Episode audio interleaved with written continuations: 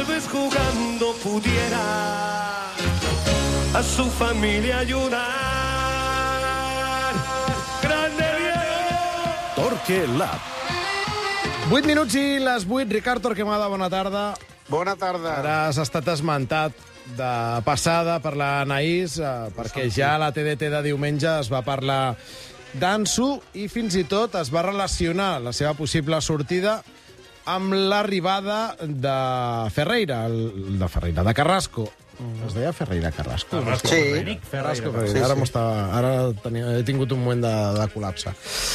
Doncs eh, la, donaves per feta l'arribada de Carrasco perquè el Barça, recordeu, té una, un dret de, de fitxatge a tom de l'operació Griezmann per aquest estiu i que tu estàs, no, no sé si dir segur, però dones per fet que la temporada venent jugarà al Barça. Sí, segur al futbol, fins que les coses no s'acabin, no, no, no pots estar-ne del tot, però vaja, que el Barça el té com una opció, em, diríem que relativament assequible i, per tant, una opció interessant, sí. Mm, Tot i això, clar, eh, jo no, jo no la vincularia tant a, Ansu, eh, si, si m'ho permeteu, sinó que, que separaria un, un moment el, els dos temes, sobretot perquè són jugadors de naturalesa molt diferents, no? Mm. I, que, i, que, I que també convida a pensar sobre la necessitat o no de Xavi de davanters com del perfil d'Ansu o d'extrems que vagin cap a dintre o de davanters que juguin des de la banda eh, que jo crec que Xavi la temporada que ve va més ja dirigit cap al format dels quatre migcampistes i un extrem.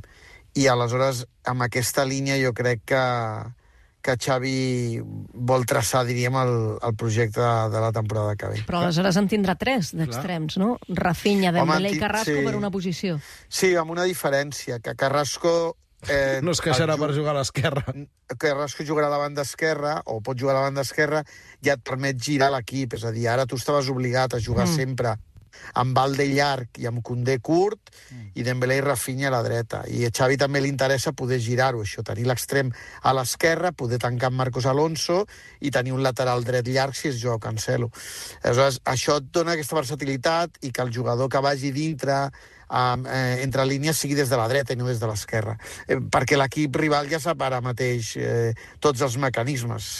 Jo crec que per això dic que per mi l'opció Carrasco és l'opció de tenir un tercer extrem, la, la, la possibilitat de tenir, de, de tenir més versatilitat eh, i canviar la banda oberta que et doni amplitud, perquè Rafinha ja hem vist que se sent molt incòmode a la banda esquerra, perquè ell és un esquerrà bastant tancat i si Mm. s'allunya de porteria no està còmode i Dembélé tampoc no presenta la millor versió a la banda esquerra. Em, jo- jo crec que una miqueta va per aquí. Ho dic també perquè, perquè els últims partits que hem vist d'Anso i Ferran com a tercer davanter no ha estat ben bé un tercer davanter, ha estat més un jugador que ha actuat en aquesta posició entre línies, que és la que jo crec que voldria reforçar Xavi, sigui amb Messi o sigui amb algun altre jugador, que serà molt difícil perquè els jugadors que han marcat diferències en aquestes, en aquestes zones són caríssims. Mm.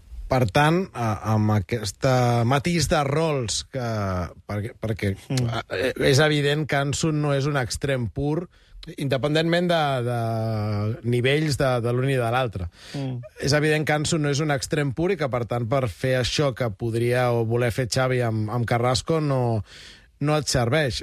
Arribats a aquest punt i entenent que són que són perfils diferents i jo m'atreviria a dir que fins i tot nivells diferents de, de jugador, a, a tu et sembla que completa millor la plantilla el, el, port- el belga o, o Ansu? Ja. Eh, jo crec que si Xavi la dirigeix molt clarament cap a la idea dels quatre migcampistes i un extrem, jo crec que a Xavi li anirà molt bé l'opció Carrasco, sobre la qual ell ha treballat, diríem, personalment mm, amb gent que el coneix, com el Robert Martínez o el Gavi, el Gavi de l'Atlètic de Madrid, eh, per veure una mica quin perfil de futbolista era, era Carrasco, que ara amb Simeone està jugant amb tota la banda. O sigui, ja no és un futbolista de desequilibri i de profunditat, que és un jugador amb una gambada llarguíssima i molt bon un contra un, sinó que és un futbolista d'un gran, de gran capacitat de treball. Eh, aquesta temporada amb Simeone s'ha fet un far de, de córrer de córrer a la banda.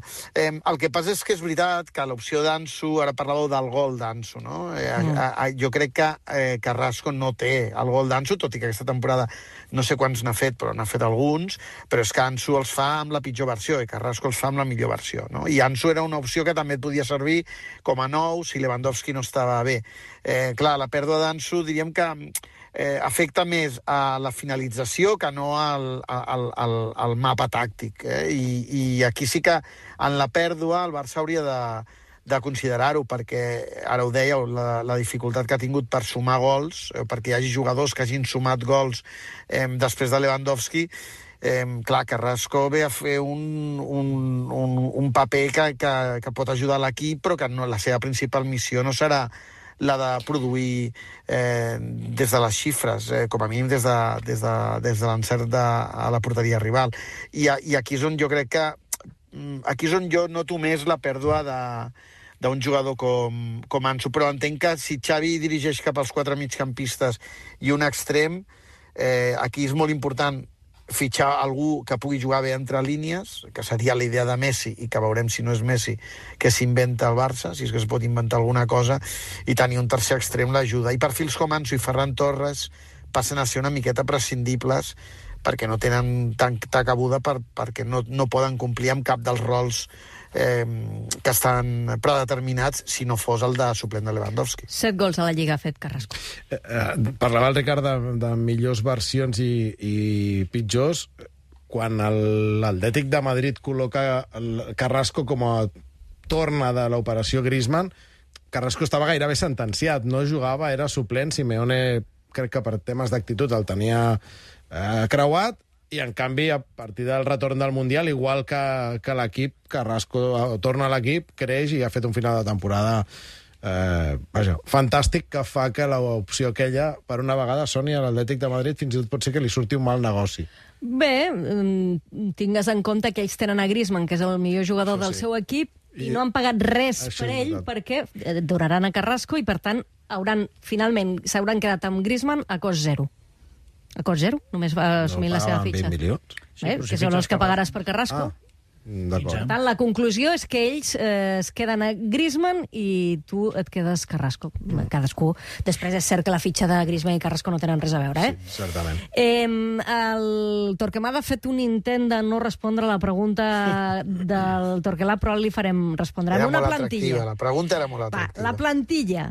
Una plantilla amb Carrasco és millor que una plantilla amb Ansu, és a dir, la plantilla del Barça, amb aquest canvi de peça per peça, a tu quina de les dues et sembla millor? Pel que vol Xavi, Carrasco. Veus, t'ha acabat responent. És que, és que ets, ets mal pensada. Se l'ha de pressionar una mica perquè si no s'escapa. Doncs mira, a, a més ho ha fet eh, perfecte perquè arribem a les 8, acomiado el